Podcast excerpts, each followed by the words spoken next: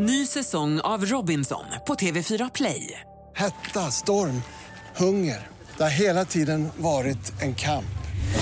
Nu är det blod och tårar. Fan händer just nu. Det. är Detta är inte okej. Robinson 2024, nu fucking kör vi! Streama söndag på TV4 Play. I dagens Fotbollsmorgon, Sveriges mest lovande tränare 2008, Alexander Axén, guidar oss genom den allsvenska omgången. Domarhysterin, seriefinalen på Eleda och Jesper Hoffman brinner till när hans kära AIK diskuteras. Den 28-årige allsvenska debutanten Jonas Olsson om att vinna mot sitt tidigare lag AIK.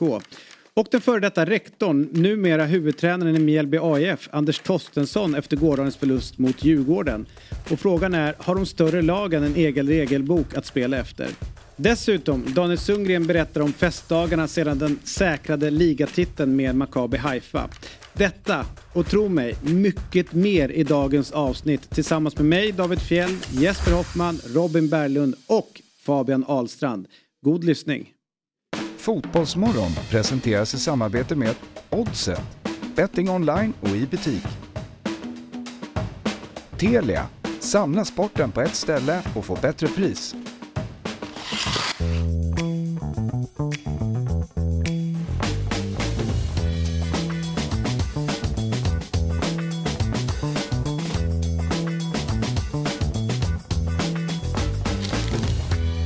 God morgon! Hjärtligt välkomna ska ni vara till eh, Fotbollsmorgon. Ny vecka, ny start, nya möjligheter men framförallt en härlig måndag Jesper Hoffman. Det är det. Mhm. Känner du inte hur du spritter benen när du stiger upp och att det är måndag morgon? Jo, det Det är gör jag faktiskt. speciellt. Ja, det är något speciellt. Och eh, man gör det ju till fågelkvitter och en skinande sol. Ja, Vilket är härligt. Så är det. Och så träffar man Fabian när man kommer till jobbet. Ja, det är alltid lite jobbigt. så bra. det är så bra. Han har ju lite för mycket energi Ja, han har eh, det. på måndag, måndag morgnar. Men eh, sen så låter man honom eh, lugna ner sig lite och då blir det en bra stämning. Ja, du tittar ju bara på mobilen när du kommer. Ja, jag, Det är läser på inför, jag läser på inför avsnittet. Eh, det blir Fabian väldigt arg på. Mm. Han, han förstår. eh, Är du på Twitter nu igen? Ja, där går det att tillskansa sig lite information och sådär. Men, Det ska vi lära dig.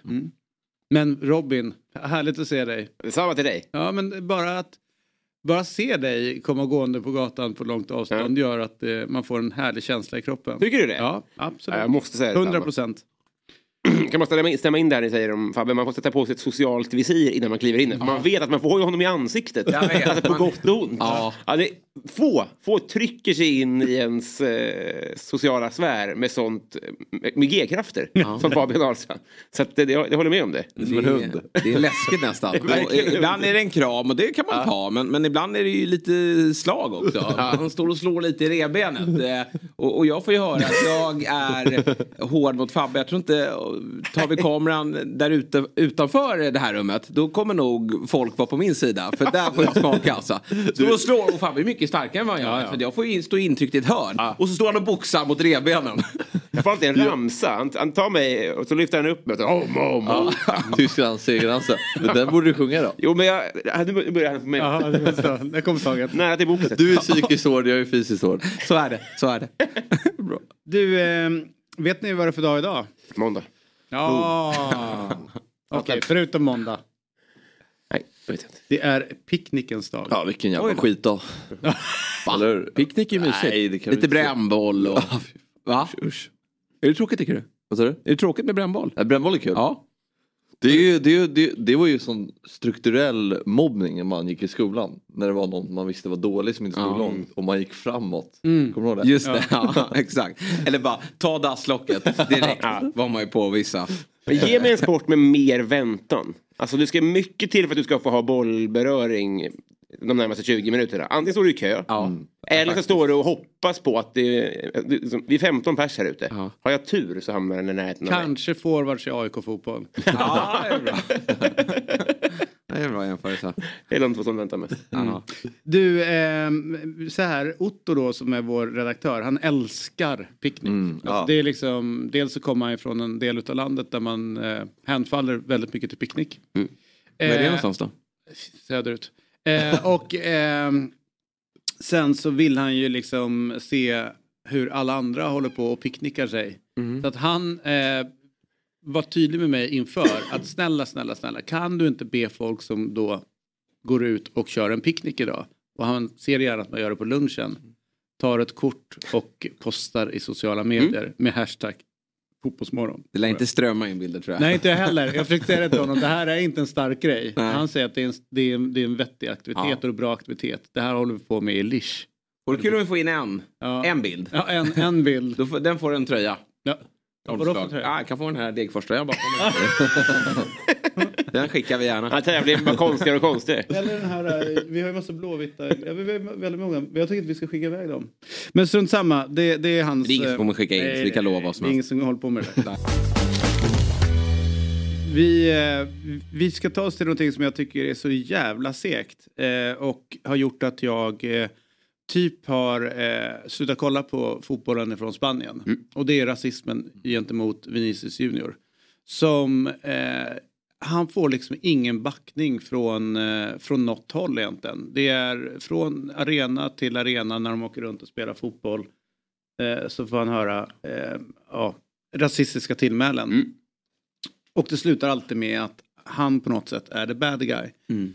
Eh, och eh, ja, men det är så svårt då att, att ta upp det på ett, på ett vettigt sätt. Det är ju helt hela fucked up hela skiten. Eh, och jag tycker det är intressant att eh, hur eh, Spanien blir eh, uppmålat som ett rasistiskt land i Brasilien nu och de tycker verkligen det. Eh, och eh, som nu då att han blir utvisad och det är klart att han känner sig ju sjukt pressad över det som han får höra. Vad, vad, vad kan man göra åt det här? Vad tänker ni? Ta dem från plan och ge tre poäng till motståndarlaget. Nej, ja, alltså, precis, Ancelotti är ju inne på det i efter intervjun. Va? Att eh, det, är, det är ett strukturellt problem att ligan gör ingenting, att domaren inte avbryter matchen. Och att det enda som finns kvar i hans verktygsfråga är att ta av sina spelare. Och nu är ju så här, ligan är ju avklarad för deras del. Det är ju inga liksom... De blir väl två. Oavsett hur det går i det här och nästa. Trea är de nere på nu. Nej, de är tre till och med. Ja, men det, alltså, det skulle han ju kunna göra. Men det ska ju inte ligga på tränarens ansvar att eh, ta det beslutet. Eh, men det skulle ju kunna vara en ganska snygg aktion ändå. Att säga, nej, vi tänker inte, vi tänker inte spela under de här förutsättningarna. Alltså som tränare. Mm. Nej, eh, eh det, det enda som är som som inte jag tycker det är ju att eh, spelarna eh, som lirar i ett lag och eh, så är plötsligt så Låt säga att man, man kliver av, man, man får straff eller något liknande. Det, den är ju sjuk. Men om det är en hemma, ett, ett hemmalag som inte kan ja, hantera sina åskådare på något sätt. Då får de inte lira med folk. Nej. Ja, Alltså, det, vet du så? det är Då får bra. ni köra era Ja. tomma läktare men Ja. matcherna pågår som vanligt. Men det här håller liksom inte. Nej. Ehm, det, vi har ju sett rätt mycket i, i Italien också. Eh, och det är ja, mot Lukaku. Och så Och, och det... dessutom med att, liksom, att, att Lukaku är problemet och blir utvisad liksom, när han reagerar mot det han hör från läktaren. Precis. Och då, det är ju samma sak där liksom. Så här, jag är ledsen men ni klarar inte av att ha publik inne på arenan. Som, de beter sig inte. Då får ni inte vara här och kolla överhuvudtaget. Ja, då hamnar man ju i det här kollektiv bestraffning kontra individuell bestraffning. Men ja, Ja, det- den, det- den, det den är problematisk Ja. men det är också problematiskt för fotbollsspelare som, eh, som blir utsatta för, eh, Absolut. för rätt stökig Ja. rasism Mm. på sin arbetsplats. Ja. Ja, det ska ju vara nolltolerans, det är väl hela. Ja och sen så det alla jävla pamfletter som är say no to racism och bla bla bla. Vi står upp mot dittan och dattan. Ingen jävel står upp för Vinicius Junior. Nej. Sen så kan han vara liksom hur eh, provocerande som helst mot andra Mm. eller att han håller på och dansar och folk tycker att han, beter sig osportsligt. För det är det, den kritiken han har fått från liksom andra spelare och så. Eh, men i Brasilien så säger de ju att de inte förstår den brasilianska själen. Att han spelar med liksom ett leende och glädje och han gillar att dansa. Ja, vet sådana saker. Ja. Så det är ju, någonstans har de ju läst honom helt fel. Ja, det, det är väl- inget argument biter ju. Alltså, Nej, nej, nej, nej. Han kunnat skjuta någon så hade man ju inte köpt att de håller på sådär. Det är ju eh, det är bara trams. Men, men, och det här retroaktiva, det kanske kommer. Det kanske blir to, eh, tomma läktare. Men man tycker ju också att det skulle finnas nå, någon på plats som agerar också. Ja, men, jag tycker bryta matchen i alla fall. Ja, men bryta den till att börja med, Ja. absolut. Mm. Det måste man göra och liksom säga ifrån att det här är inte okej. Problemet är väl också att domarna inte har någon förståelse för det hela. Känns det. Nej. Nej. Alltså Nej, att precis. liksom, det är ju väldigt sällan man ser att han får backning från, eh, från domarna och då, är det ju, då blir nästan problemet större än att några virrpannor på läktare sitter och skriker för de är liksom utsända från, utav förbundet. Mm. Och, liksom ska, och liksom upprätthålla liksom den, den standarden på liksom, ja, hur man beter sig från förbundets sida och liksom representera spansk fotboll. Och där känns det inte heller som att de, de har inte koll på det hela. Nej, där tror- måste man jobba förebyggande och utbilda domarna. Att om någonting sker, vad, vad gör vi då? Till exempel. Ja, eller de som helt enkelt läser situationen så jävla fel och det är några, det känns som att vissa domare gör det gång på gång på gång. Då kan de inte, de är ju liksom, de är inte lämpliga att hantera sådana här matcher. Då Nej. kan de inte få ha kvar sitt jobb. Nej men det menar jag att det borde komma ovanifrån. Alltså från förbundet. Ja, det är det jag menar. liksom Att de ser den här, med- den här eh, Jorge här, han fixar inte det här. Tyvärr.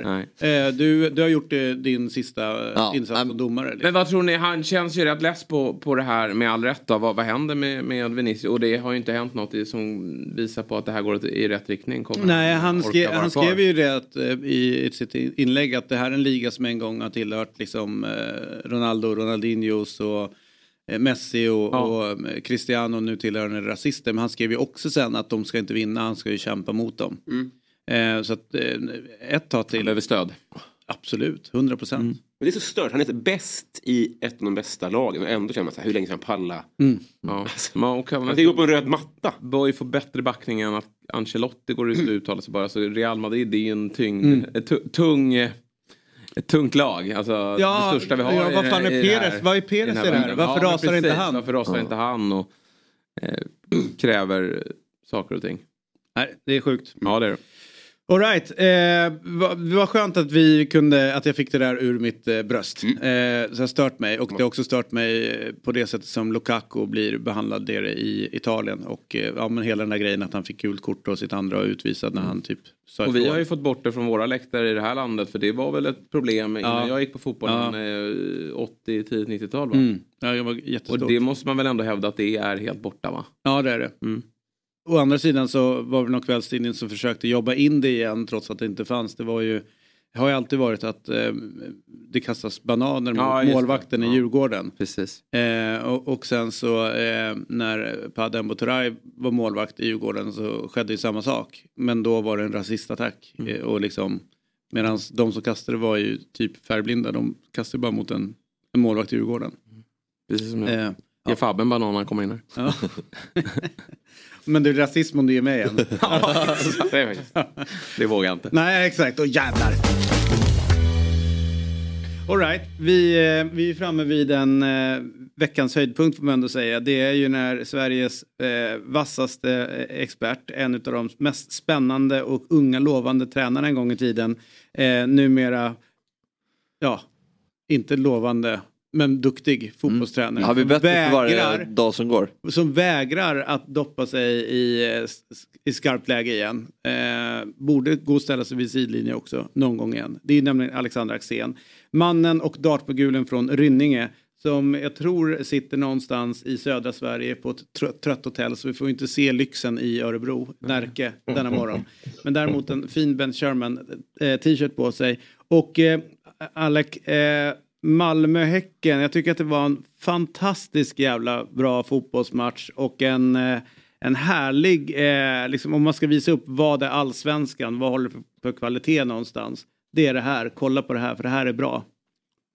Ja, det var, det var en ruggig match. Första halvlek är ju väldigt taktisk då båda är jätterädda för sina styrkor, alltså för det andra lagets styrkor och eh, undviker det så mycket man kan, men de är så bra så det går inte riktigt ändå. Men att eh, Eh, då var det mycket utav de sakerna. Andra halvlek då, då liksom släpps det lös bara och då, då blir det åka av. Och, ah, fy fan vilken bra fotbollsmatch det där var. Så mycket bra fotbollsspelare och de är så jävla bra med bollen. Det brukar inte vi liksom eh, vara så... Det brukar vi inte se så ofta, så kan man säga, i svensk fotboll. Här, här knackar de bara ur och iskalla i straffområdet, vänder spelet och någon får helt plötsligt en dag på sig med bollen och sådär. Så att, jag är jävla imponerad över hur långt de här har kommit. Eh, vad, eh, vad, säger du, är det ett rättvist resultat någonstans att de delar på poängen? Eh, ja, det är det väl egentligen. Även om jag tycker att Häcken har ju de farligaste chanserna och får ju matchbilden dit de vill på ett bättre sätt än Malmö. Men ändå så skulle det kännas lite konstigt om de vann, tycker jag. Alltså, Som man ser till XG så ska de ju vinna, men äh, min känsla är ändå att det var ganska rättvist med kryss faktiskt. Sen är det ju tråkigt för Häcken att släppa in så sent, men Jag tror att de... Eh, ja, det är väl lite tråkigt att det blir sånt typ av mål också kanske så. Nej, men jag, jag, för mig så tycker jag att kryss var rättvist. Det var ju två större matcher som spelades igår. Eh, och I form av dels Malmö-Häcken och IFK Göteborg-Hammarby. Och det var ju verkligen, det var som att man slog över från en annan liga. Mm. Skulle jag vilja säga. Liksom så här rent kvalitativt. Det är en enorm eh, nivåskillnad. Och det är, var länge sedan vi hade två så överlägsna lag spelmässigt. Vi ska inte glömma Elfsborg men jag tror de får svårt att hänga med de här två lagen. Ja, ja kanske. Men... men två eh, ruggigt bra lag. Ja, jag är imponerad att Häcken så, alltså med tre dagars vila också, går ut och gör den insatsen. Det där är bara bullshit. Tre dagar är lång tid för att återhämta Jo, sig. men det är Alltså, också, du vinner en titel. Det firas lite. Ja, jo, men, det, mentalt men det, och- så här, det firas inte då. När man vet att man har match tre dagar senare. Det hade varit en sak, alltså, då, är- det är division 7 nivå. Jaha, vi har vunnit och går ut och råkrökar och sen så har man match två dagar senare. Det är klart att de här är tillräckligt professionella Jo, för att konstatera Jo, att man har... Så här, Det är en faktor. Den Nej, får vi- den ja, får ja, det är väl positivt i så fall. Det var värre att att losa en match i så fall och komma till det här än att vinna och komma med vind i seglet. Det jag menar är att vi är så jävla fokade på att det är ett så tajt spelschema. Kolla Premier League som vi pratade om tidigare. Vissa spelare där kör uppåt 70 matcher per Ja, säsong. men vi är ju inte där. Nej men vi tränar för fan Ja, lika det- mycket. Ja. Nej det gör vi inte. Ja, men vi har... Jo, det gör vi. Vi har exakt lika mycket. Det är snarare så att de spelar Ja, fler matcher och vi tränar ja. mer. Ja, det är Ja, klart vi men gör. vad gör vi på de träningstimmarna? Ja men det spelar ingen roll, släck ner det där. Det, det här är tillräckligt vila för att kunna prestera en match som det här. Det är helt, helt Det uppenbart. är väl deras plan att spela så här ofta. Ja det är det. De, de Varför tränar ju för att Ja. spela ofta. Annars är det så här, nej vi kan inte spela i Europa, det blir för mycket matcher Mm. och så, så har man massa undanflykter. Det där är bullshit. De, det här är nog med det.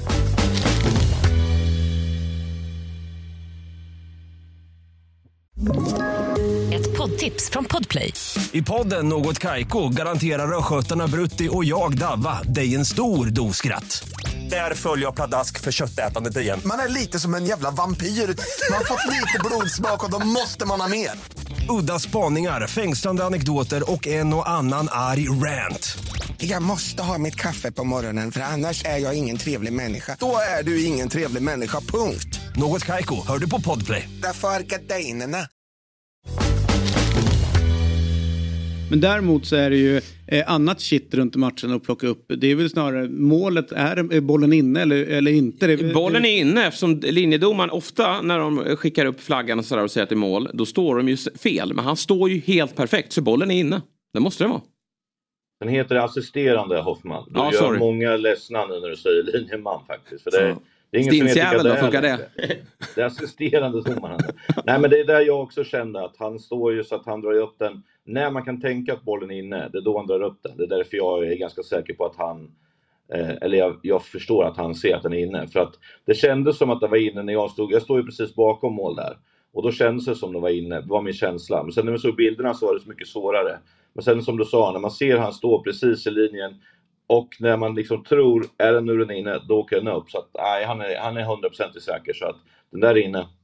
Sen är det ju häftigt att Häcken har ju kanske två av sina absolut bästa spelare inte med i matchen heller. Alltså Sadik tyvärr skadad igen. Tråkigt att han inte, kanske bra för Häcken på så sätt att då säljer de inte honom i sommar. Att han kan vara med under, under hösten. Men, men han är ju, så fort han är med så är det ytterligare en dimension till Häckens anfallsspel. Och sen hoppas man ju att den andra Gustafsson-brorsan är, är tillbaka snart. Han satt ju på bänken där, om vi nu pratar om eh, mycket matcher David, så, så det är ju inga vanliga matcher heller. Utan det är ju liksom eh, cupfinal, det är Malmö och sen kommer Djurgården. Så Häcken har gjort allt de kan för att få honom till spel till det. Och det är ju en vecka för tidigt. Alltså, det brukar ta sex veckor. Folk skrattade åt mig när jag sa när han blev skadad. Och, och eh, Högmo sa Dr. Axén typ och så. Men de kastade in honom efter fem och, och då gick det upp igen. Alltså, hade det inte varit så här mycket matcher nu, hade det inte varit de här typen av matcher, då hade man väntat lite till tror jag. Så man var lite för sugen att få in honom, istället är han borta resten fram Ja till fast nu, nu blandar du äpplen och päron. Jag håller med att de kanske stressar honom. Men du ska ju absolut inte komma och säga att Samuel Gustafsson inte orkar springa i 93 minuter. Tre dagar efter en, en, en match innan. Då har vi ju ett större problem inom svensk fotboll än vad vi, än vad vi typ tror att vi har. Alltså det är ju Ja, klart vi. att Det- det jag tid, tiden mellan cupfinalen. Nej men det jag säger är att tiden mellan cupfinalen och den här matchen är gott nog. Att det inte ska vara någon så här uh, ursäkt för att de hade match i torsdags. nej men matchen var ju slut i halvtid i, i Mjällby så att det var ingen, de behövde inte springa så mycket andra halvlek heller så det var perfekt. Men det är ändå en, en, liksom en anspänning och sådana saker som vi måste bli bättre på att klara av. Och liksom, det där med träning så är det ju så att vi tränar på ett sätt och internationellt tränar man på ett annat sätt. Eh, så är det ju. Och matcherna i, i internationellt eh, är ju det som styr träningen kontra vi har ju mycket träning och sen kommer matchen och så ska man träna igen. Träningen har alltid varit viktigare för oss i Sverige än vad den är utomlands. Förstå mig rätt, liksom, Ja. det är alltid viktigt men en bra träningsvecka, då var vi jävligt nöjda. Sen matchen gick åt helvete, men fan vilken bra vecka vi hade på, liksom, på träningen. Där har du skillnaden. Alltså internationellt så är man mycket bättre på av och på, man är bättre på att ta ner tempot i en träning, Eh, man kan höja det ibland, man går ner igen. Vi håller ungefär samma hela tiden och det är som är vårt stora problem. Men det är klart att de klarar av det så här tidigt. Det är bara detta att digniteten på matcherna gör också att eh, det är Djurgården redan på onsdag eh, och sen är det Blåvitt på helgen därefter. Det är liksom det finns ingen av de här matcherna som är att där man kan gå runt lite på folk och bara vinna med 1 eller 2-0 och sen är man färdig. Utan det kommer krävas maxinsatser verkligen. Liksom. Eh, all right, ska vi ta då till eh, bottenmötet då får vi ändå säga. Oerhört viktig seger för Degerfors med tanke på att de håller på med tennis på slutet. Ja, och det är väl det som är, har Degerfors blivit lite nya Varberg tänker jag då. Att man, man bara skakar av sig någon 6-0 förlust där, en 6-1 förlust där för att vinna de viktiga matcherna. Det är väl lite så det har känts med Degerfors.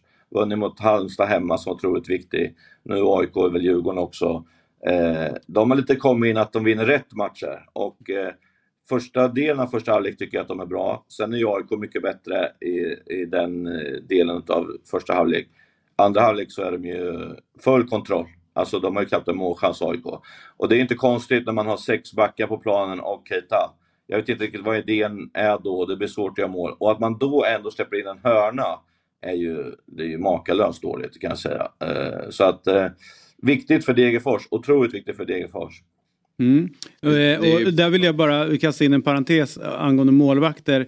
Eh, Kristoffer Nordfeldt har varit bra i år tycker jag. Eh, och eh, även när man ser träning så har han varit ett jävla monster. Så att, eh, han, han är väl en av få som liksom kan gå rakryggad ifrån eh, det AIK håller på med den här eh, våren. Men låt oss bara under några minuter eh, lyssna till eh, Jesper Hoffmans take på Gnagen så här långt. För han är allt annat än nöjd kan jag säga Axén. Bara så du vet. Det är en missnöjd herre som sitter bredvid Nej, mig. men, ja, du, du nämner några, vilka som ska få godkänt betyg i AIK. Alltså i den sportsliga organisationen så är det väl kanske då Nordfeldt som får ett svagt godkänt. Då. Och Milosevic. Ja, Milosevic kanske är med där då. Eh, och Modesto då. I övrigt så är det ju en, en eh, sportslig organisation och då pratar vi tränarstab, vi pratar ledare, vi pratar fys, vi pratar läkare.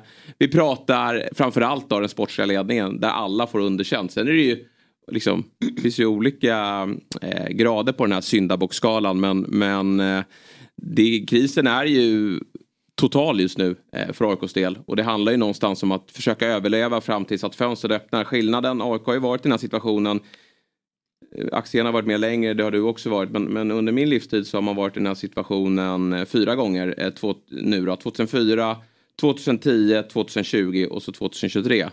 Och jag tycker nog att det här är kanske den mest oroväckande eh, liksom, krisen någonsin på så sätt att jag ser inte den här truppen kunna vända det. Det finns inte spelare i det här laget att kunna vända det. Det är spelare där ute som inte spelar för sin tränare längre. Och eh, de kommer behöva göra enorma förändringar när fönstret öppnar. Och det är bra att de har fått in en sportchef som, som har eh, liksom ett... Och jag tror att för honom är tajmingen ganska bra. Hade det varit som så att AIK gick eh, rätt okej, då är det ju känsligt i en sån klubb att kliva in och göra förändringar som behövs göras långsiktigt. Men nu är det ju för den sportsliga ledningen som så att de har ju tappat allt förtroende. Det finns ingen i den där styrelsen eller i det här sportsliga rådet eller scoutchef eller vd nu om han är det när vi spelar in det här fortfarande. Som får säga till om någonting. Utan Thomas Berntsen, han styr den här klubben nu. Du får, vill du behålla Brännan, då gör du det. Vill du sparka Brännan, då gör du det. Vill du ta in tio spelare, då gör du det. Vill du eh, skicka 15 spelare, då gör det. Han får det förtroendet nu, för nu måste AIK testa något nytt. Det får vara slut på att agenter utifrån kliver in och bestämmer hur AIK ska göra eller att någon, någon, eh, någon som har klättrat förbi i, i något akademiled ska kliva in och, och säga hur saker och ting ska gå till. Utan nu, nu kommer den här norrmannen in. Och sen om han är rätt man för det, det återstår att se. Det har jag ingen aning om. Han har ett ganska bra CV får man ju säga. Och han verkar vara rätt på det när man, när man hör honom. Men man har blivit lurad förr av, av eh, AIK i, i i viktiga befattningspositioner. Så att eh, nu, nu eh, måste han kliva in och rädda den här klubben. Stora grejer. Jag säger som, att ja, eh, sju spelare kommer bytas i sommar. Mm. Det kommer bytas lika många efter året. Det är bara det att man kan inte säga det direkt när man kommer in. Ju, Nej. för det är som att man nästan ger upp så. För han säger att vi har bra spelare och sånt. Han svarar ju politiskt som man måste göra i det här läget. Men det är ingen tvekan om att det är sju som kommer ryka. Det är jag helt övertygad om. Man måste ha ny energi. Man måste ha folk som kan träna. Vi går inte att ha folk som tränar en och en halv träning i veckan och det ska ha egen väst och springa runt och, och vara någon jävla frilaj och sådär. Och sen, man har hamnat helt fel i det offensiva spelet också. Ingen, inga snabba spelare och så spelar man 5-3-2. Det är liksom allt är bara minus. Alltså allt det här ihop är ju så konstigt satt så att jag fattar ingenting alltså. Eh, för spelar du 5-3-2 så då krävs det att det bara smäller i, i djupled när man sticker iväg och vinner bollen. För att Eh, om, du, om du hela tiden måste passa hem bollen för att du har alla bakom, som du normalt har i 5-3-2, och så har du ett långsamt anfallsspel, då kommer du aldrig skapa någonting. Så att, jag tycker att de har ju hamnat snett bara i hur hela truppen är uppbyggd. Eh, och det är ingen annans fel än han som var, som var sportchef under den här tiden plockade ihop det. Därför att det finns inte en tanke bakom vad man plockar in, utan man har bara plockat in olika människor som man tror att det här blir jättebra. Och uppenbarligen så är det ju det är sånt haveri så det är, jag, jag håller med dig Hoffman. Hade, hade det liksom varit som förr i tiden att det hade varit liksom det här truppen kör hela året ut. Då vet jag inte om de hade klarat av det faktiskt. Nej, då tar de inte en, en poäng till. Och, och för att tala då om det här när, när AIK väljer att sätta Manuel Lindberg som sportchef. Det är ju, nu har ju ni varit med längre än vad jag har, men det måste vara det största misstaget i AIKs 122-åriga historia. Ja, eh, jag ska säga, det, det, 130 det år. finns ju också en sportslig organisation. Det är liksom, nu var han den som blev ansiktet utåt för det hela, men han var ju TF, men det finns ju en scoutingansvarig där. Vad- Som har underpresterat i, i tio år. Ja men vad han, vad han gjort där, det finns ett sportsligt råd, det finns tekniska direktörer, det finns rätt mycket folk där. Absolut. Så att, Ja, men det är det jag eh, säger, att, alltså, att det är liksom inte så här, bara- Jag kan förstå att man under en kortsiktig period säger så här, men då kan du vara den som kanske sitter och gör förhandlingarna. Men han har ju fått hjälp av andra, det är ju inte han bara utan folk har ju Det pekat till honom. Absolut. Där, den där spelaren, den där spelaren. Han har ju inte själv sagt att vi ska ha Jimmy Durmaz och sen kört själv på det utan det är flera i klubben som har backat upp det. Så det är ju eh, ett större problem än Manuel Lindberg och jag tror inte det löses genom att så här, bara säga att han är ensam problemet. Det, är, hela, det, utan det, det, det är väldigt alltså, många. Jag vill också vara tydlig med att Andreas Brännström ska ha väldigt mycket kritik också. Det- För hur han skött den här våren. Det är väldigt många tycker jag som ska och det är spelare och tränare eller tränare som, inte, som säger nej till spelare. Den där vill jag inte ha, den där behöver jag inte. Jag vill ha andra typer av spelare och ändå kommer de spelarna in. Mm. Så att eh, un- under rätt lång tid fick jag, höra i Chelsea-sammanhang att det var inte så hårt mot Graham Potter, han har inte fått sina spelare än utan man måste vänta lite grann. Ja, men Brännström står ju definitivt med spelare som man absolut inte vill ha. Mm. Och sen är ju frågan om hur fungerar den tränarstaben? Backar de som är i tränarstaben huvudtränaren? Jag är inte helt hundra på det, eh, sett hur det ser ut. Men den stora grejen är, och jag har sagt det under ganska lång tid, jag ser samma resa nu, det AIK håller på med, som 2002, 2003 och sen åker vi ut fyra. Och i synnerhet 2004 när man är nere på träningarna. Det är en, en grupp i disharmoni. Och det enda sättet att lösa det, det är faktiskt att sparka ut vissa spelare som är toxic, som, alltså, som är giftiga för den här miljön. De måste bort. Även fast det kostar mycket pengar för AIK kortsiktigt så på längre sikt så kommer man tjäna, tjäna på det. Det är riva kontrakt eller sälja eller bara plocka bort och, och ta de förlusterna här och nu. Därför att den här truppen eh, och gruppen är inte en, en fungerande grupp. Och jag ska också säga det är, det är lätt att peka på det senaste fönstret men det är flera fönster som AIK har Absolut. gått fel. Nej, men- Så att, att inte dra in den tidigare sportchefen Henrik Jurelius i det hela, då, Definitivt. då gör man fel. Eh, och jag tror nu jag att de måste, den här nya sportchefen, bara plocka spelare. Oavsett om AIK tappar Mm. 20 miljoner på det eller 10 miljoner på det. Det är bara att plocka bort dem och få in ett, liksom en annan liksom atmosfär i omklädningsrummet. Jag tycker det är så jäkla tydligt eh, att när Malmö hade en, en dag ledigt Eh, då kommer rapporter om att hela jävla laget träffas för att åka iväg och köra en jävla paintball-grej. Därför de, de gillar att umgås med varandra. Och eh, när AIK, de kan ju för fan knappt komma till träningen. De, alltså, de vill ju knappt vara i samma rum med varandra. Eh, och det är ju problemet. Sen finns det väl vissa som vill hänga med varandra men som lag så fungerar det inte alls. Och det måste man komma till rätta med. Och det känner ju du till också Alex. De gångerna du, det går bra eller när du känner att du är inte så orolig. Det är när du känner att det här, är, det här är en grupp som gillar att vara med varandra. Då kommer man få resultat. Men när det är klickar, grupper i gruppen så det går åt helvete till slut. Och där är AIK. Och det är väl det första man måste adressera och det är väl lättaste. Jag tror inte att vi löser genom att sparka tränaren nu till exempel. Nej det tror inte jag heller. Jag, men, men, men, men däremot så vissa spelare ska bara bort. Du vet, så här, bortskämda jävlar som inte liksom ställer upp ordentligt. Det Men bara det skicka. som jag säger varför det blev ett, alltså återigen, det är klart att Emanuel har ju fått jättemånga som har, han har pratat med och haft som bollplank här. Men hade vi fått in en, en sportchef från början då, nu tar det ju tid att lösa Thomas Berntsen, men, men hade man fått in honom från början så hade ju, han har ju en tydlig linje hur den här klubben ska bedrivas framåt. Sen om det blir rätt eller fel, det, det återstår att se. Men vi behöver ju få in en, en ny röst som tänker annorlunda. Och det har vi nu och den personen ska få göra det. Jag håller Precis. Mm. helt med dig om det. Men, men kortsiktigt så tror jag det nästan är viktigare med spelare ut än spelare in. Alltså om jag ska hårdra det. Men när Det- du är nere på Karlberg, kan du liksom okulärbesikta? Du ser vilka som är toxic? Ja. ja det är till och med så? Men det är väl bara att kolla på vilka som sitter på bänken också och inte Mm. får speltid. Så många undrar varför de inte får speltid. Vad, vad tänker du? Får du ont i huvudet utav oss här Alex? Mer än vanligt? Nej, jag vet ju hur ni är och man kan säga att AIK har underskattat eh, själva yrket sportchef Ja. genom att eh, man sätter ner en VD och tror att det ska funka. Sen är det klart att många tycker mycket och det blir ju alltid fel för att eh, det kan vara rätt egentligen men det blir fel eftersom inte tanken är att de ska spela ihop. Och att man, att man inte involverar en tränare i vad man ska göra, det är ju liksom det dummaste jag hört i hela mitt liv. Alltså. Eh, och, och liksom på något sätt så blir det också så här som jag alltid har varnat för. Det är att styrelserna är så svaga i varenda fotbollslag därför att de vet, verkar inte veta hur han spelar heller, vilken typ av fotboll. Utan man har bara tagit in spelare för att lösa det här och spela de här så blir det nog bra, typ så. Alltså det är, så, det är sånt jävla haveri är det. Och sen är det alltid så att det är folk som tycker mycket, men när det går dåligt, jag ser ingen som kliver fram och säger så här: okej, jag gick fel, jag trodde att det här skulle bli bra, men det vart inte bra. Utan det är alla andras fel hela tiden. Och det borde gå. Det, jag har gett tränaren en massa bra spelare, varför kan inte han spela dem? Och tränaren säger, jag har fått massa dåliga spelare så jag kan inte spela. Alltså det är ingen som räcker upp handen och säger, det är mitt fel, vi ska jobba på det här, vi ska köra liksom. För att nu är det så här, alla skyller på alla och spelarna definitivt skyller ju på både Manuel och eh, Brännström, garanterat, beroende på vem du frågar. Och på de andra spelarna hela tiden. Så att det är ingen riktig ryggrad där som kliver fram och säger att håll käften, nu kör vi. Och det frågesatte jag ju förut om det finns ledare verkligen i det här laget. Och så visar man mot Hammarby och, och sen så efter det då, har de visat någonting efter det? Tvek säger jag alltså. Om inte Dahlberg gör det där självmålet så får de ju stryka Blåvitt också. För det ser ju för jävligt ut under den tiden. Mm. Eh, Så den enda räddningen är väl egentligen att det är Djurgården nu till helgen. Eh, För det brukar de ju alltid vinna. Och eh, skulle de förlora där, ja då är det ett haveri utan dess like för då kommer det bli jobbigt resten av matcherna också, garanterat alltså. Men, eh, men är AIK AIK så att de vinner den här matchen mot Djurgården, ja då kommer alla, då är det som vanligt igen, liksom typ så. Men det behövs 7-8 spelare ut, alltså utan tvekan. Och den här visionen också, det är också rätt så roligt för att Eh, Det vet ni att jag var kritisk mot direkt. För jag tycker inte AIK behöver en sån vision med unga spelare, för de har varit kanske bäst i klassen på det jämt.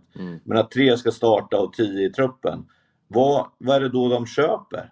Är det sådana spelare eller är det äldre spelare de har köpt? Alltså, det är så, det är så, det är så, liksom, det är så konstigt gjort alltihopa. Så jag vet inte var jag ska börja någonstans. All right. eh, Alexander Axén, eh, en intressant karaktär från Rynninge, en dartmogul, en duktig... Eh, Har du tappat din sponsor? Du har inte kepsen med dig. Exakt, han får ju ta med den när han är Nej, där okej. nere. Och eh, en fantastisk fotbollstränare och eh, fotbollsman. Tusen tack för att du var med oss den här morgonen. Ja, tack själva. Ni gör ett jävla jobb för svensk fotboll. Och Fabbe, du kämpar på. Ja, han kämpar på. Och om det är något så finns vi, det är bara att ringa.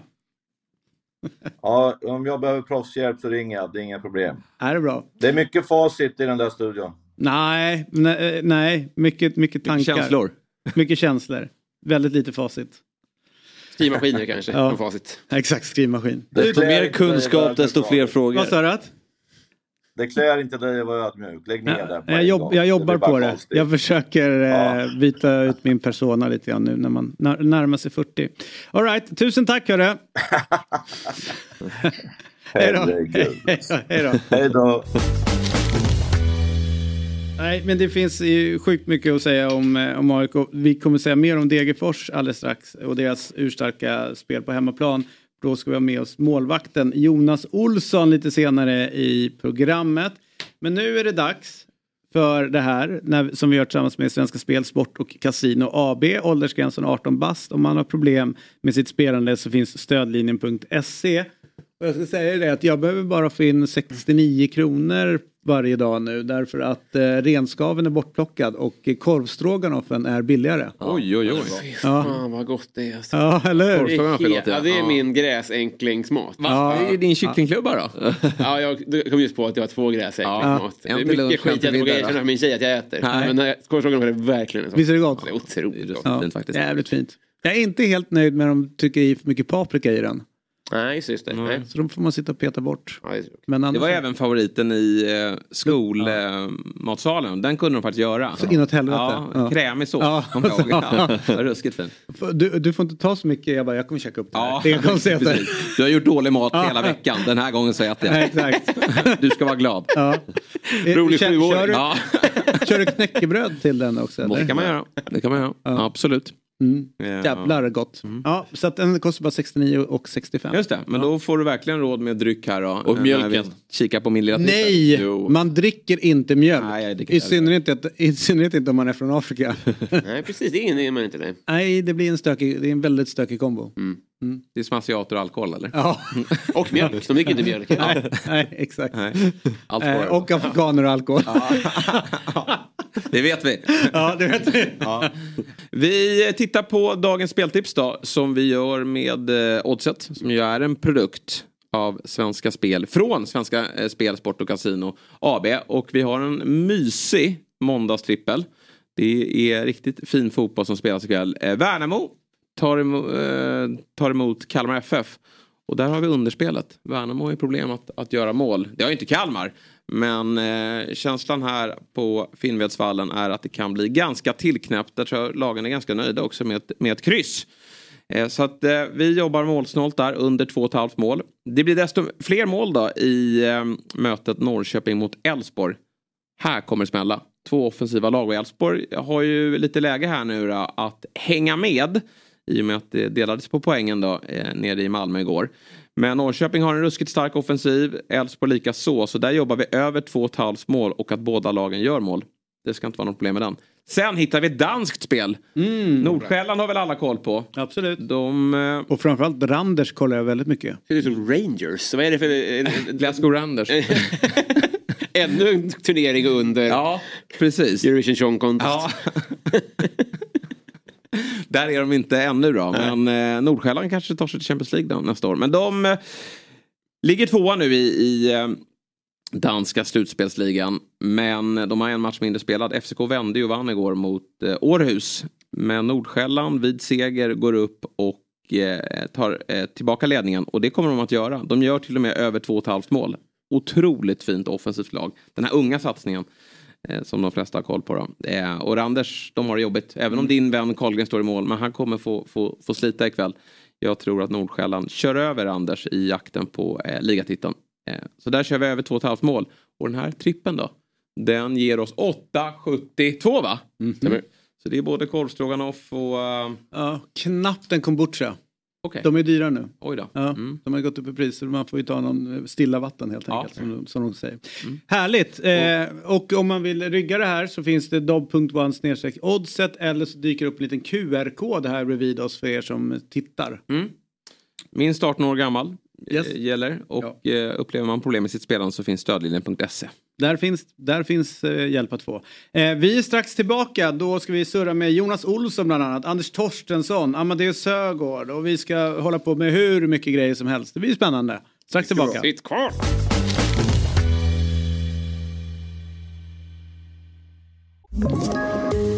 Poddtips från Podplay. I podden Något Kaiko garanterar östgötarna Brutti och jag, Davva, dig en stor dos skratt. Där följer jag pladask för köttätandet igen. Man är lite som en jävla vampyr. Man har fått lite blodsmak och då måste man ha mer. Udda spaningar, fängslande anekdoter och en och annan arg rant. Jag måste ha mitt kaffe på morgonen för annars är jag ingen trevlig människa. Då är du ingen trevlig människa, punkt. Något Kaiko, hör du på Podplay. Därför är Då är vi tillbaka i Fotbollsmorgon. Robin Berglund dyker upp. Han står här utanför och väntar på att få komma på in för sen entré. Ja, det är Jesper Hoffman och eh, Fabian Ahlstrand, din eh, kusin gjorde ju mål. Mm. Ja, med vänstern. Ja, det var väl en liten tavla? Ja, den ska man ju ha som tips. Vi har ju AIK-tröjan redo här. Ja. Ahlstrand 16. Exakt. Den Men den, nej, det är ju inte poppis direkt när han fick den. Nej. Det är många hål i truppen att fylla. Ja, jag menar det. Ja. Kicka 16 pers. Vi sparar dem in en tröja. Skicka ut. All right, så här är det. Inför mötet med AIK så hade Degerfors 14 insläppta mål på sina tre senaste matcher. Eh, eh, det var tydligt att något var att göras bakåt. Ut åkte den hittills givna norska målvakten Sondre Rosbach och in kom den allsvenska debutanten och före detta Stockholmstalangen får man ändå säga. Det finns ju inte en enda klubb som den här mannen inte har representerat när man kollar igenom. Eh, Jonas Olsson. Och eh, först Jonas, välkommen till Fotbollsmorgon. Men vad är det för idyllisk miljö du sitter i? Det ser ju helt fantastiskt ut med, med den här eh, uteplatsen och, och grönskan och det vackra vädret. Eh, du är långt ifrån eh, storstadsbetongen just nu. Ja, tack så mycket. Ja, det kan man verkligen säga. Uh, när jag sitter ute på verandan, blev utsparkad av tjejen och lillgrabben. Jag får sitta här ute. Bara veranda är ju mäktigt. Det är ju liksom ingenting man eh, jobbar i, i centrala Stockholm. Så att det är ju, ser eh, oerhört härligt ut. Hur är det att bo i spenaten? Ja, det är bra. Bra nu när sommaren har kommit tycker jag. Ja. Berätta nu, debut i Allsvenskan mot Gnaget. Var du nervös inför matchen? Nej, jag var inte så nervös, mest taggad. Ja, och eh, liksom eh, hur, eh, hur, eh, hur fick du reda på att det var dags för dig att stå? Var det samma dag eller var det dagen innan eller förberedde de dig liksom lite grann inför? Nej, dagen innan så sa de eh, vilka som skulle spela och det, så då fick jag reda på det. Så då fick vi reda på laget och så. Så det var, det var kul, så då var man, blev man glad och taggad. Du kände kanske, med tanke på att ni släppte in då 12 mål på de två matcherna innan, att det var dags för ett målvaktsbyte. Har du känt så i veckan liksom, eller? Nej, inte riktigt så. Jag har väl bara kört på. Jag har ju velat spela alla matcher så det var kul att jag fick lira nu senast. Eh, du, eh, jag kan nog ge dig lite rätt där när Tihi går på dig eh, istället för på boll när eh, AIK gör sitt mål. Liksom, hur, frustrerande, hur frustrerande var det? Nej, det är klart det var frustrerande. Det kändes som typiskt och speciellt när eh, den där eh, straffsituationen kommer så tätt inpå. Då blev det ju bara inte sant liksom. Eh, Men det var skönt att han ändrade sig i alla fall på straffen. Så det var, det var tur. Mm. Du, stod ju nära där. Du, du tycker att det var, var, skulle det vara okej att döma straff i det läget eller var det helt fel? Jag blev jätte, jättechockad när han blåste på straff faktiskt. Eh, Jag tycker eh, det är lite onödigt av Said kanske att försöka glidtackla och gå på boll. Men han går verkligen på boll och sen så tycker jag Omar snubblar på bollen sen. Men jag förstår ju Omar att det känns kanske som att han är på men jag tyckte inte att det var straff från min vinkel i alla fall. Eh, hur har stämningen varit i Degen eh, med tanke på liksom, inför matchen mot AIK och inte var resultatet som ni kanske hade hoppats på? Nej, jag tycker det har varit bra. Vi hade ett bra möte efter eh, eh, matchen senast när vi förlorade mot Häcken. Eh, och där tycker jag alla i truppen och även ledarna fick, vi fick ett bra snack och tog med oss väldigt mycket bra saker från det och sen hade vi en, en väldigt bra träningsvecka. Eh, Va- va- det var, Vad är det ni, kom, vad är det ni liksom fick, fick ut från det? Vad- Vilka saker var det ni fick med er om, ni, om vi ska konkretisera det lite grann? Men mer att vi måste, vi måste tro på vårt eh, spel och att vi kan ligga lågt, att vi är bra på kontra och att vi, vi behöver hålla, hålla varandra om ryggen lite på planen också. Att vi måste ta jobbet för varandra och verkligen verkligen ta det här extra för vi kommer inte vinna någonting om vi inte, om vi inte är lite bättre än alla lag i alla matcher liksom. Vi inte är på vår bästa nivå. Hur var det att möta AIK då, klubben som du har varit i tidigare? Ja, det var kul, det var väldigt roligt faktiskt. Eh, Det var kul att det var så mycket folk också på plats. Det var, ja, det var jätteroligt. Om du jämför med eh, lag som Häcken och eh, då AIK, hur dåliga är AIK? Ja, det är väl lite annorlunda Häcken och AIK skulle jag säga. Häcken är jävligt bra tycker jag. Lite annan fart. Ja, antagligen.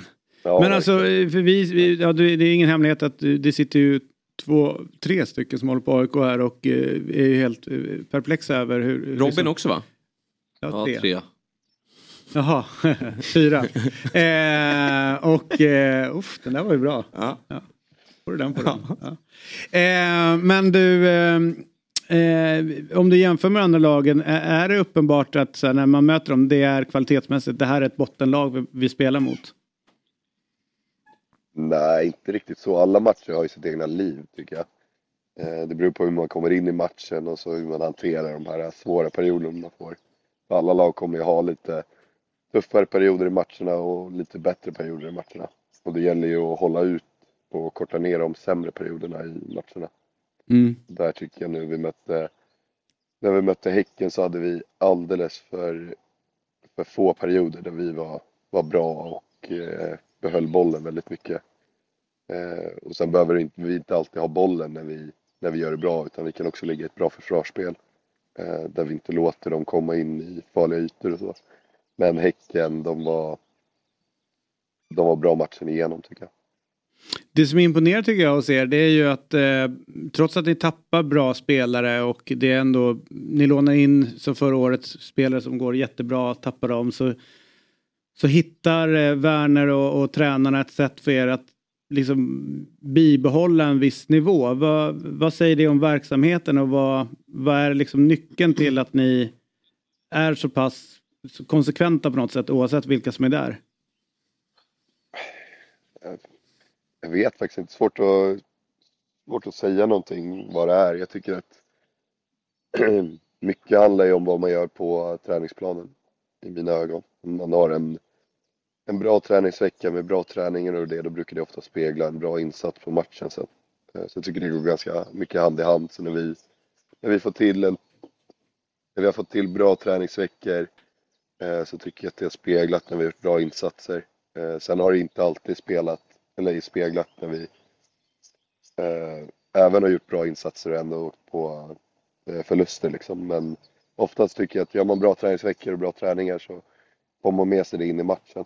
Eh, Och det tycker jag vi, vi har gjort bra de matcherna vi har vunnit. Eh, Känner du dig själv nu eh, som första målvakt i, i Degerfors? Nej, jag vill spela alla matcher, det är väl bara så jag kan säga. Mm, helt rätt. Du, vi håller på att skrapa ihop till den bästa, eller du Robin, ja. En, en grej innan då. Hej Jonas. Eh, om man ska skapa en startelva då. Med folk som heter Jonas Olsson. Så har vi dig i mål. Och så har vi West Bromwich Jonas. Och så har vi IFK Göteborg Jonas, ja. som mittbackar. Eh, jag tänker att du om någon borde väl ha stött på. Eller noterat om du har stött på fler. Finns det fler? Oh, ja det finns nog fler, men jag vet inte hur många som eh, spelar fotboll. Ja, det måste ändå vara ett krav. Det är de. Ja, exakt. Ja, men det var väl de två jag hade tänkt på också i sådana fall. Har det skapat förvirring och fuckar det med din Google, eh, ja, träffar på Google eller andra praktiska nackdelar med ditt namn? Någon, någon gång har det, har det blivit lite missförstånd vem, vem Jonas Olsson det är. Men även fast man... Det tar ett tag innan folk kopplar. Mm. att det kan vara någon av de andra två ibland. Men har du nyttjat Ja, det någon gång? Har, du- har du ringt till typ eh, eh, Taverna Brillo och, och sagt så här att tja, Jonas Olsson här, jag vill ha bord för... Det är fotbollsspelaren Jonas Olsson som ringer. Ja, exakt. eh, jag vill ha bord för 15. Och så får de så här, ja men det är ju Timells polare ju. Liksom så här, det är bara att ramla in. Har du kört den? Nej, jag har tyvärr inte kört det. Jag kanske får göra det någon gång. Ja, ja, det hade jag kört. Vi borde ses. Ja. Jag var ju lookalike med Eddie Gustafsson en gång i tiden, alltså gamla målvakten i- i IFK Norrköping och kom in på, på ett ställe och satte upp allting i baren eh, under namnet Eddie Gustafsson och sen drog jag därifrån. Han, han var där i Red Bull. Vad säger du? Han var ju Jo, bra. jo, jo, var ja, visst. ja, ja, ja, ja. Jag tror att han är sportchef, eller var väl inne i sporten där också, nere och snurra efter han la av. Så kan det vara. Men du, vi håller på att skrapa upp en, en, eh, den bästa spellistan någonsin. Eh, bland annat är låtar som eh, Rednecks eh, Cotton Eye Joe med på den. Eh, och alla gäster som eh, liksom är med i programmet bidrar. Vad har du för låt som du skulle vilja skicka in på den listan? Eh, oj, vad svårt. Jag går på eh, Californication med Red Hot Chili Peppers. Ja, bra. Lirar lite på elledningarna i introt. Det är så jävla snyggt Ja. Och den passar ju väldigt bra i miljön där han är också. Ja, verkligen. Eller hur? Verkligen. Det är helt fantastiskt. Ja men du, härligt att ha med dig och eh, grattis till premiären i Allsvenskan, eller premiärmatchen. Låt det bli många matcher framöver. Tack så hemskt mycket. Eh, hälsa Werner också att eh, om det är något så är det bara att ringa. Ja, det ska jag göra. Ja, härligt. Hej hej. Hej Jonas.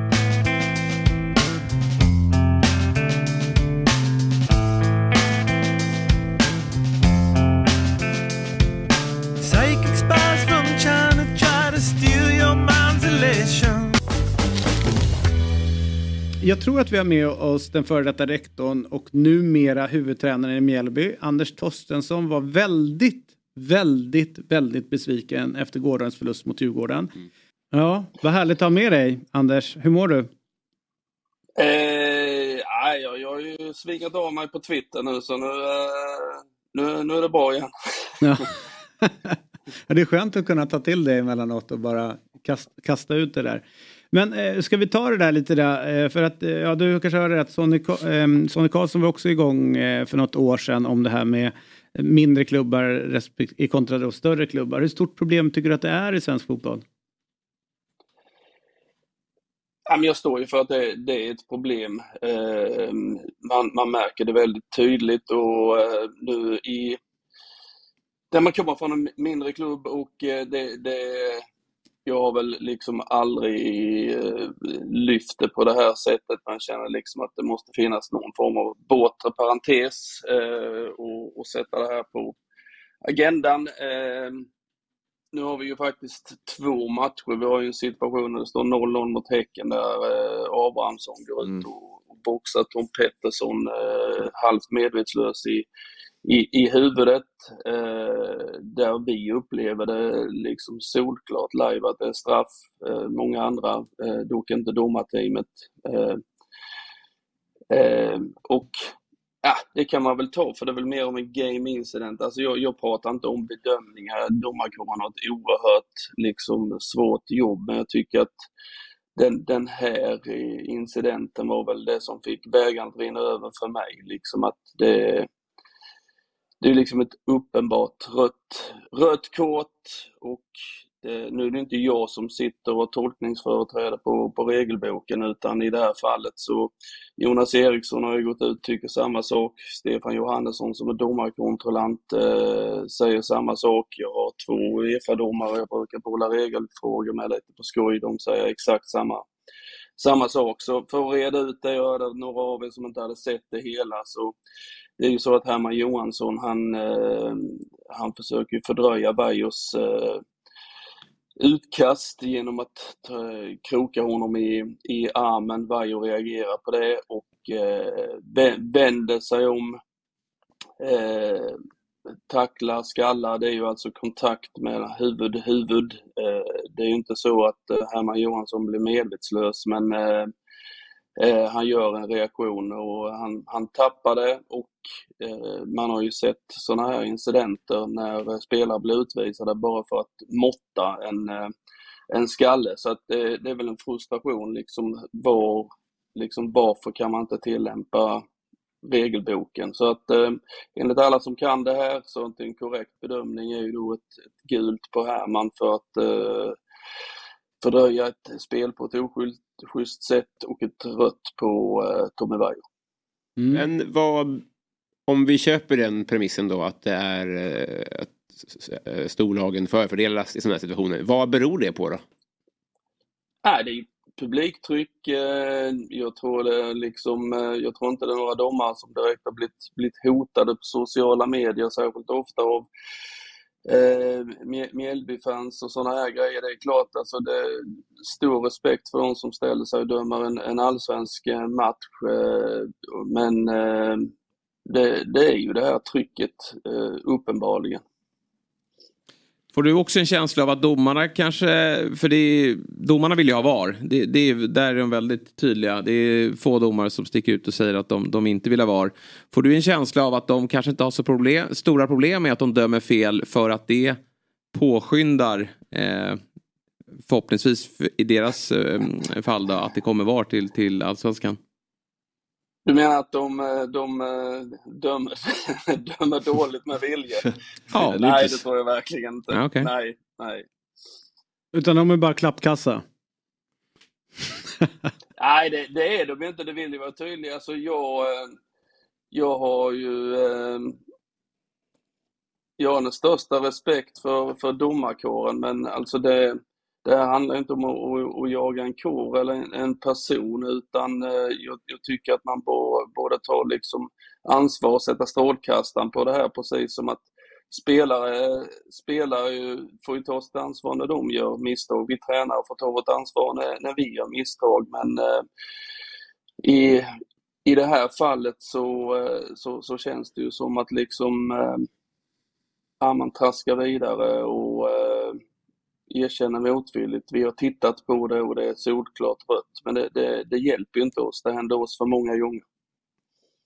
Eh, apropå ta ansvar så blir det ju eh, för en tränare så blir det till slut att man får lämna sitt jobb och spelare blir ju petade till, till kommande match. Borde det vara tydligare så att eh, domare som begår matchavgörande misstag eh, borde bli avstängda eh, från, från, från liksom från kommande omgångar, eh, likt lik spelare och...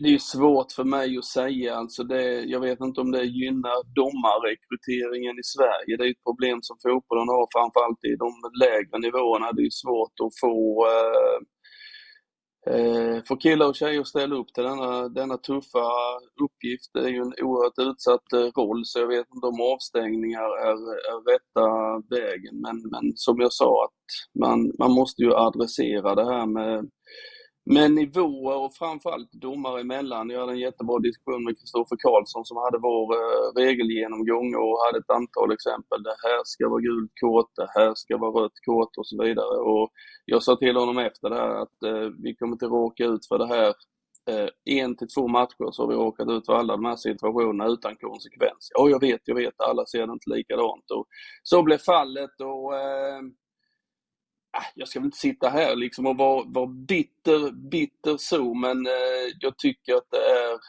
det är för mycket och för ofta faktiskt.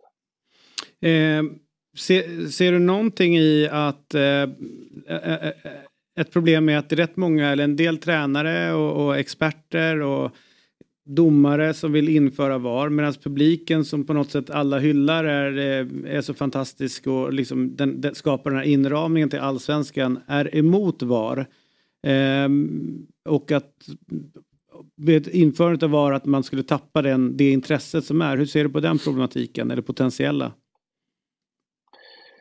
Eh, jag är ju ingen liksom eh, expert på vad VARs införande eller inte införande skulle innebära men vi är väl snart det enda landet i Europa som inte har VAR och det är väl bara till att titta på de andra ligorna. Har det inneburit någonting i form av publiktapp eller intresse eller, eller inte? Eh, jag har som sagt eh, varit, varit öppen med att eh, jag, jag gärna ser VAR i Allsvenskan. Eh, jag respekterar de som inte vill, vill se det och deras åsikter. Men eh, eh, det är nog snart dags att, att testa i alla fall. Skulle Mjällby ha råd? En miljon är det väl per match. Det skulle kosta 15 miljoner per år att lägga på den teknologin. Ja, där brast det alltså. Då får du inte in en spelare. Nej, så är det ju. Så är det ju. Jag är emot VAR, jag har ändrat mig. Nej. Nej men det, det är ju den... den och, och, Men det får ju prisas uppifrån i sådana fall. Ja men, ja, men hur mycket pengar ska man lägga Jag på det? Det är ju superettan också lär ju då behöva införa Mm, om det ska absolut. vara eh, liksom i, inom SEF. Så är det ju rätt många klubbar. Utsikten, jag såg lite grann av det de höll på med igår. De hade ju noll personer på sin bortaläktare. Nu hade ju Helsingborg jättemycket folk där men jag Är det binärt? Köra någon Kina-variant? Fyra webcams är väl bättre än ingenting? Alltså? Jag fixar det. Ja, så, men då... då Nej, det, Det är väl bara att gå ut och kolla på Twitterklipp från Discovery. De Exakt. lägger upp direkt alltså. De är uppe på, det är på, på snabbare. 20 sekunder. Det är bara ut och kolla. Ja, och försöker he- hetsa domarna. Ja, ja. Men det gör de ju inte. Eh, säg, eh, ja. Skitsamma. Du, jag tycker det är spännande med, eh, bara kort bara, din, eh, din tränargärning. Det känns som att det är först nu du på något sätt har bestämt sig för att det är tränare du ska vara. Du höll på med fortsätta vara lärare och så lite tränare och så gör du det bra och sen så går du tillbaka och är lite lärare och sådär. Vad är det som gör att du fullt ut nu har tagit steget eh, in och liksom på något sätt accepterat att du är en duktig fotbollstränare som bör hålla på med det? Ja, oj, aj, det, det är nog en lång, lång historia. Det har ju, eh, det är egentligen tillfälligheter som har, eh, som har gjort att jag har varit av och på i min, i min tränargärning. Jag har ju tränat lägre divisioner emellan Mjällbyuppdragen och så vidare, men eh, eh, jag, jag fick ju chansen som ni vet hösten, hösten 21 och, och det gick bra men det var ju en oerhört ur, urladdning eh, där samtidigt som eh, jag bara var tjänstledig från ett jobb som, som rektor så jag trivdes oerhört bra med och jag tyckte att det, pusselbitarna låg väl inte rätt där. Det har varit oschysst mot min, mot min arbetsgivare att sätta dem på portkanten efter de har varit väldigt generösa med, med tjänstledighet och så vidare. Och sen kom frågan igen här nu inför, inför denna säsongen och då, eh, då var det lite andra förutsättningar, bland annat att jag, jag kunde eh, just sluta mitt dåvarande jobb eh, på ett mycket mer schysst sätt och att Ja, men jag kände su- suget var väl tillbaka, kraften var tillbaka plus att jag tycker att eh, Mjällby har en eh, organisation och eh, medarbetare som jag har väldigt stor respekt för, just både som eh, kunniga människor och eh, medarbetare. Spännande. Du, eh, så här är det. Vi håller på att skrapa upp till den bästa spellistan någonsin. Eh, så att eh, alla som gästar programmet på något sätt får bidra med en låt. Vilken, eh, vilken eh, låt får vi ner från Listerlandet och eh, eh, eh, den, den mycket kompetenta fotbollstränaren för Mjällby. tack, tack för det omdömet. Eh, Eh, Men då tar vi, eh, spelarna har ju börjat köra en låt i omklädningsrummet med lite glimten i ögat när vi, när vi vinner och det är Vill du bli min fru med Drängarna. Det passar listan. Oj, oj, oj. Ja, nu, nu jävlar drog vi upp nivån här. ja, det är bra. Den tar vi, det är taget. Vi köper det. Men låt oss hålla kontakten. Det är alltid intressant att, att höra dina tankar. eh, Och stort lycka till nu under, under säsongen. Tack. Om du vill bli min fru ska jag ta dig här och nu Men om du inte kan får du ta en annan man Skickar oss själva och er som både lyssnar och tittar på det här hela vägen ner till Israel. Där sitter en nykorad eh, eh, mästare. Det är inte ofta. Nej. Eller hur? Eh, han eh, inför säsongen 2022 valde Daniel Sundgren att lämna Grekland och Aris för Israel och Maccabi Haifa. Ett år senare så är succén ett faktum såklart. Eh, ly- laget lyckas kvalificera sig till gruppspel i Champions League. Och förra veckan så säkrar man ligatiteln. Något som ett lag i Israel eh, aldrig har lyckats med innan. Och det är klart att Sundgren är där. Var ska eh, sleven vara om inte i grytan? Det är väl en god plats. Vad sa du? Det är väl en god plats. Ja. Mycket god. God morgon eh, och välkommen till mästaren Daniel Sundgren. Hur har firandet varit och eh, har det ens slutat? God morgon, hörs jag bra eller? Ja, kanon. Jag är så förkyld och trött så ni får ursäkta lite. Rösten. Ja. Nej, det är full respekt Så för där det. man ska låta Ja, när man efter vunnit. firande. Ja, nej shit, det har varit fyra, fem olika firanden så man är helt slut. Men eh, hörde, hörde snabbt att ni skulle ta er från Stockholm till, till Tel Aviv, men jag bor ju i Haifa så Ja, förlåt. Slarvigt utav mig. lite lugnare här än Tel Aviv. Ja just det, där är det, det rapporteras inte så mycket men det är väldigt stökigt där. Men, men ni, eh, det är lugnt i Haifa eller? Ja, lite. Vad sa du? Det är lugnare i Haifa? Ja, mycket lugnare, mycket lugnare. Ja, skönt. Mycket lugnare. Hur, Men hur, eh, ja, hur har ni firat då? Ja, vi vann ju med en omgång kvar, så då blev det en fest direkt efter där. Vi fick åka från en eh, stad en timme härifrån, så det var fest på bussen. När vi kom fram till Haifa så var det ju supportrar som väntade på oss. Eh, så vi höll igång där till två, tre eller fyra på natten där. Sen var det ju såklart eh, lite, ja, några event dagen efter och sen så var det full laddning till eh, ja, sista matchen som vi hade på, på hemmaplan. Mm. Och eh, efter det blev det ju precis samma sak. Full fart, fest efter slutsignal. Och sen har det bara fortsatt så med events och sen har vi haft mittemellan det lite Champions League events. Så vi har liksom väntat in våran resa som vi hade i Champions League för att fira den nu. Jag Så det varit eh, dubbelt ja. Och, och, eh, om, jag, om jag känner dig rätt eh, så, bo, har, så borde du ha tagit en ganska framskjuten roll i det här firandet. Jag tänker inte, du är inte den som står längst bak. Nej, lite tvärtom. Ja, exakt. Men eh, jag de, har, de har varit lite tråkiga faktiskt. Jag, jag förväntade mig mer. Även fast det har varit i flera dagar så förväntade jag mig lite mer trysch från lagkamraterna. Fansen har varit bra, men eh, lagkamraterna lite tråkiga. Alltså. Var det bättre guldfirande i AIK 2018 eller? Ehm, ja, spelarna var nog lite mer taggade. Sen var det ju, jag har för mig att vi vann på en torsdag. Och en torsdag i Stockholm är ju inte skitbra, men ja, det är som det. Nej, Daniel, ni vann en söndag. Ja, ännu värre nästan. Ja. Mm. Ja, just det, bara krokar Kalmar borta. Men du, jag, ursäkta att Ja. de inte kan israelisk eh, firande så mycket. Finns det några klassiska moment som alltid ingår? Alltså, eh, någon speciell dryck eller någonting? Alltså, är- finns det några traditioner? Eh, nej, inte vad, vad jag kunnat se, men det är mycket vodka alltså. Sen så är inte alla som... Jag har ju ja, muslimer och så. Mm. Så eh, ja, vissa kör utan alkohol, men då har man ju fått köra mer alkohol själv. Så Ja, just det, blir mer över. Man är- ju helt paj alltså. Du, hur Men det har bra, varit, det har varit en jävla sjuk resa faktiskt. hur bra är ligan och var det liksom överraskande att ni skulle lyckas med, med det här i år? Var ni på förhand tippade att vinna eller eh, kommer det som en... Vi pra- pratade med eh, Niklas Eliasson om det, att det var folk, folk kanske inte trodde att AIK Aten skulle vinna i år. Men var, det, var, det, var ni favorittippade inför säsongen? Ja, jag tror att vi var det. Eh, det som har varit det, både nackdel och fördel för mig är att jag inte alls står på hebreiska, så jag fattar ju inte om någon skriver något dåligt om mig eller om någon skriver något bra om mig. Så det har varit lite skönt faktiskt.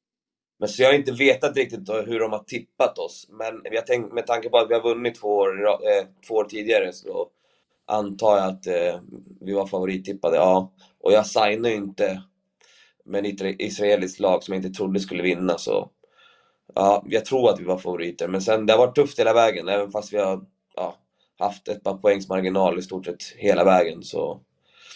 Ja, Hur har det det gått på li- annan liga. Hur har det gått för dig då? Är Daniel Sundgren 2023 bättre än någonsin eller? Eh, ja, under Champions League-liret där så tror jag att jag var på min eh, absoluta topp. Sen fick jag ju en eh, liten knäskada som eh, satte stopp några månader, men det känns som att jag har tagit tillbaka mig och är fullt fräsch igen, så jag är väl på väg mot toppen igen. Men Daniel, hur mycket får du nypa dig i armen då när du sitter där nere och har vunnit en ny titel? Alltså, vi vet ju din, din lite brokiga resa i, i Värmlands skogar. Garys grabb, han kommer inte bli någonting. Han fostrade i AIK men, men skickades ut i skogarna för där, där eh, det, det är det han duger till. Och, och sen tar du dig in till ditt kära AIK. Åker på en, en, en hemsk sjukdom där liksom folk hade i stort sett räknat bort dig eh, från att kunna fortsätta spela fotboll. Men du tar dig tillbaka från den, blir svensk mästare, flyttar utomlands och får en lyckad utlandskarriär, vilket inte heller är liksom givet. Och du har även fått spela i landslaget. Vad, eh, men liksom, vad känner du själv kring den här resan? Har, du- har du trott på den? Ja, du säger det själv, det är så många moment och det är så, ja men det är ganska, det är ganska overkligt. Ehm, det är så svårt att sammanfatta allt men Alltså jag har ju kämpat hela vägen, jag har aldrig gett upp. Jag har varit i svåra situationer flera gånger. Som sagt, det började med att jag faktiskt stod på ICA-T-jalen, eh, Stureplans-ICAt där. Mm. När Degerfors hörde av sig. Och så jag var tvungen att säga upp mig från ICA-jobbet liksom och de, de blev ganska sura. Det är ingen sa, täckning där. "Ja, men sorry." Det är omöjligt att prata i telefon på T-jalen, det är ingen täckning. Nej, jag vet, Är du lurt med den här historien? Ja, nej, men, ja, men i vilket fall så, ehm, ja, de blev skitbesvikna när jag sa att ja, vet ni, det här är min chans. Jag, jag måste spela Superettan för att komma någonstans liksom. Så jag, så jag drog dagen efter, så eh, det var där resan startade. Så upp mig från ICA T-jalen. De blev skitarga och jag drog och provtränade med Degerfors. Mäktigt. Och sen så, ja, och sen så har det bara fortsatt. Jag fick en plats, startade väl i stort sett nästan alla matcher i Degerfors. Vi hade ett bra lag då.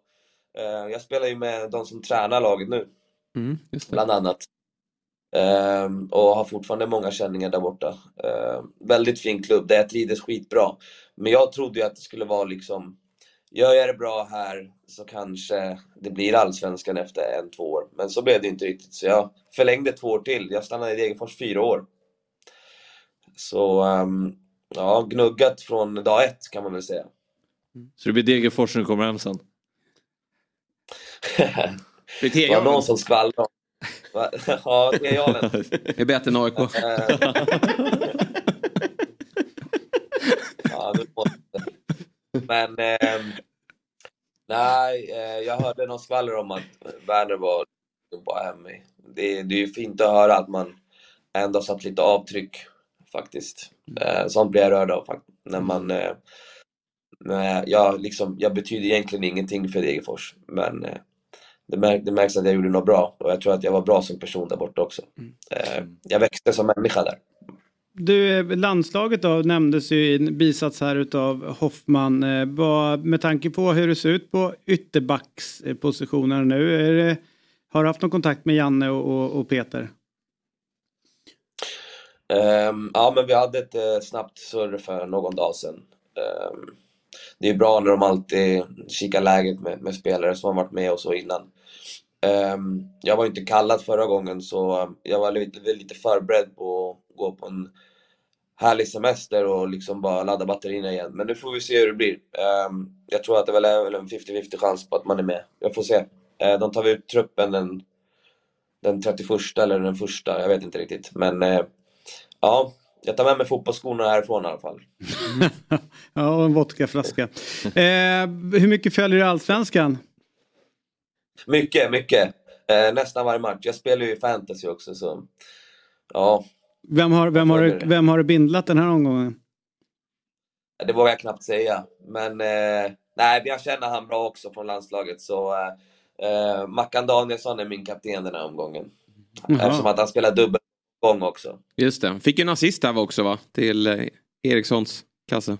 Ja, exakt, exakt. Ja, själv hade man Besara, det var ju jävligt lyckat. Är det inte uselt att lägga back som kapten eller? Nej, inte om de håller nollan och Nej, får att ja, göra och poäng. Danielsson slår ju straffar Det. Man kan ju parkera det blir- bussen också. Ja, just det. Mm. Ja. Ja, precis. Axel gjorde ju det. Smutsigt. Eh, all right, men du, eh, några tankar på att vända hem till Sverige snart? Hur, eh, hur länge till vill du vara? Du signar väl nytt där borta i, i Haifa? Eller? Eller sitter du med, Ja, eller förlängde? år, men vi diskuterar väl lite. Eh, får se vad som händer. Jag vet inte. Eh, jag känner väl att eh, kroppen eh, är inte 32, som papperna säger. Så eh, jag känner mig fräsch alltså, verkligen. Eh, jag har nog, några år kvar här utomlands. Det tror Mm. jag. Du, bara en sista fråga. Hur är det att bo i Israel som land med tanke på att man, eh, man läser om att det är lite oroligt och sådär. Hur mycket påverkar det vardagen för dig?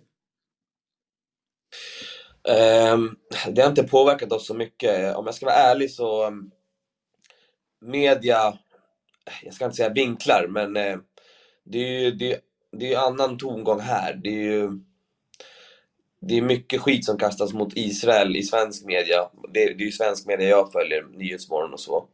Um, här är liksom, här kanske de skjuter undan problemen, det vet inte jag för jag förstår inte hebreiska men vad, av vad jag känner av här i Haifa så det är noll problem. Ehm, det är klart att det är lite oroligt eh, vid Jerusalem men det har det varit sist, sist, senaste, ja, jag vet inte, 30, 40, 50, 60 åren så eh, det är inget som är liksom nytt. Ehm, så vi har levt på helt normalt. Jag har haft vänner, familj här och de har sagt att det känns skittryggt att vara här. Det är ja, högsta säkerheten. Eh, och ehm, ja, av vad jag känner och vad jag har känt det här året så är det tryggt och en fin plats att vara på. Mm. Och jävligt bra mat. Är det Ja, så inåt helvete. Det kan väl du, eh, det är bättre att du svarar på det. Men visst är det bra mat där nere? Ja, verkligen, verkligen. Och sen mycket grill. Mm. Eh, gillar väl svenska. Eh, nej, men eh, som sagt, det har varit, eh, det har varit kanonbra första år och jag trivs bra. Eh, ni borde åka till Tel Aviv faktiskt. Mm. Ni kanske redan har varit Det är en helt sjuk stad. Ja, jo, jag har varit där. Eh, Det är briljant. Vara- Ni hade nog blivit chockade över, över arenan och hur det, hur det är på matcherna och så. Ja. Fan, skicka dit Fabbe. Ja, verkligen. Fabbe kommer ner. Ja, Fabbe kommer. Han har en ny tröja också som man kan bära. Ja. han har fått en AIK-tröja. Så att det, så ja, visst. Han var inte helt Nummer happy. 16 dock. Det är bra. Ja, nummer 16. Du, eh, Daniel Sundgren, tusen tack för att du vill vara med. Och eh, innan vi släpper dig så, vi håller ju på med den här eh, playlisten. Alltså vi ska ska- skapa liksom en riktigt mäktig spellista på till Spotify. Och då får alla som är med skicka in en låt på listan.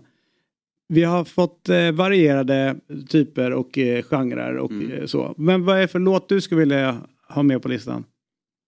Okej, ja nu vet inte jag vilka som är med men... Eh, ehm, oj, det var svårt. Ehm, ja, jag gillar Eminem mycket så jag får väl säga Mockingbird då. Mm? Är det en Du tag? ser. Ja, det är bra. Det, det tar vi alla dagar i veckan. Bra. Ja. Ska bara säga det att Marcus Ba- eller Mark, eller Mattias Bjärsmyr var med förra veckan och landade in i Rednecks Cotton Eye Joe. Så att eh, vi har ju liksom det lå, lågvattenmärket är eller liksom satt. Allting ovanför det är ju... Jag har aldrig hört, jag har aldrig hört den här låten Nej. så jag får väl gå in och lyssna. Nej, gör inte det. Gör den. inte det. Gå inte in och lyssna på den. För det är, då kommer den sitta på skallen och du vill inte ha den på skallen. Så enkelt är det. Okej, okej. Ja, right. Grattis till, eh, till titeln och eh, vi hoppas väl att du kommer till Stockholm eh, alldeles strax och får använda de där fotbollsskorna i landslaget. Ja, jag får hoppas på det. Ja, tack tack. Ha det bra. Ha det gott. Hej hej. Hej, hej. Ja. Du, eh, det kommer ännu mer fotboll hemma hos oss på Dobb. Mm. Idag rullar Eurotalk klockan 11. Imorgon är det dags för nytt avsnitt av FPL. Nej, är det inte? Det är mitt i omgång va? Så att vi kör på fredag igen. Och då är det sista avsnittet för året. Jaha, äntligen. Mm. Ja, det är så känner jag verkligen. Det ska bli skönt att ta den här eh, Inget nytt mål. avsnitt imorgon Nej. utav fantasy. Nej, men 08 fotboll på onsdag. Jajamensan. Vill du vara med då eller? Och så att in och hugg ett abonnemang på dobb.tv. Mm. Det kan ni göra nu. Och sen så prenumerera på YouTube-kanalen. Vi är ju nära nu att se honom som Woody. Ja, Woody. Mm. Det vore Har vi någon deadline eller? Nej. Det Nej. finns ingen deadline på det. Men direkt det- när ni beställde har jag förstått. Ja. Utan det är bara att vi ska passera det. Sen är vi hemma. Mm. Eh, och sen så imorgon är vi tillbaka klockan 07.00. Då är Robin här eller? Så är det. Vad vill du säga? Nej. Nej, det var ett... Inget av värde. Lite yrande. ja, det var Det finns ingen deadline och vi vill se det i den där och vi kommer skratta åt dig. Det är därför vi inte har satt någon deadline. men För att om det är om menar- 20 år, det spelar ingen jävla roll. Du ska sitta i den där jävla dräkten. Samma deadline som på det här avsnittet. Precis. Evighetssändning. Men du är här också. Jag kommer imorgon. Ja, vi ses imorgon. Tack för att ni tittade. Hej då. you a mockingbird. I'ma give you the world. I'ma buy a diamond ring for you. I'ma sing for you. I'll do anything for you to see you smile. And if the mockingbird don't sing and that ring don't shine, I'ma break that birdie's neck. I go back to the jeweler who sold it to you and make him meet every carrot. Don't f- with that. Fotbollsmorgon presenteras i samarbete med Oddset, betting online och i butik. Telia, samla sporten på ett ställe och få bättre pris.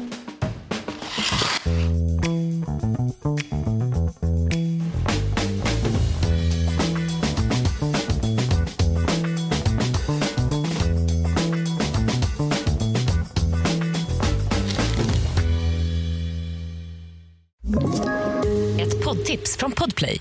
I podden Något Kaiko garanterar östgötarna Brutti och jag, Davva, dig en stor dos skratt. Där följer jag pladask för köttätandet igen. Man är lite som en jävla vampyr. Man har fått lite blodsmak och då måste man ha mer. Udda spaningar, fängslande anekdoter och en och annan arg rant. Jag måste ha mitt kaffe på morgonen för annars är jag ingen trevlig människa. Då är du ingen trevlig människa, punkt. Något Kaiko, hör du på Podplay. Därför är gardinerna.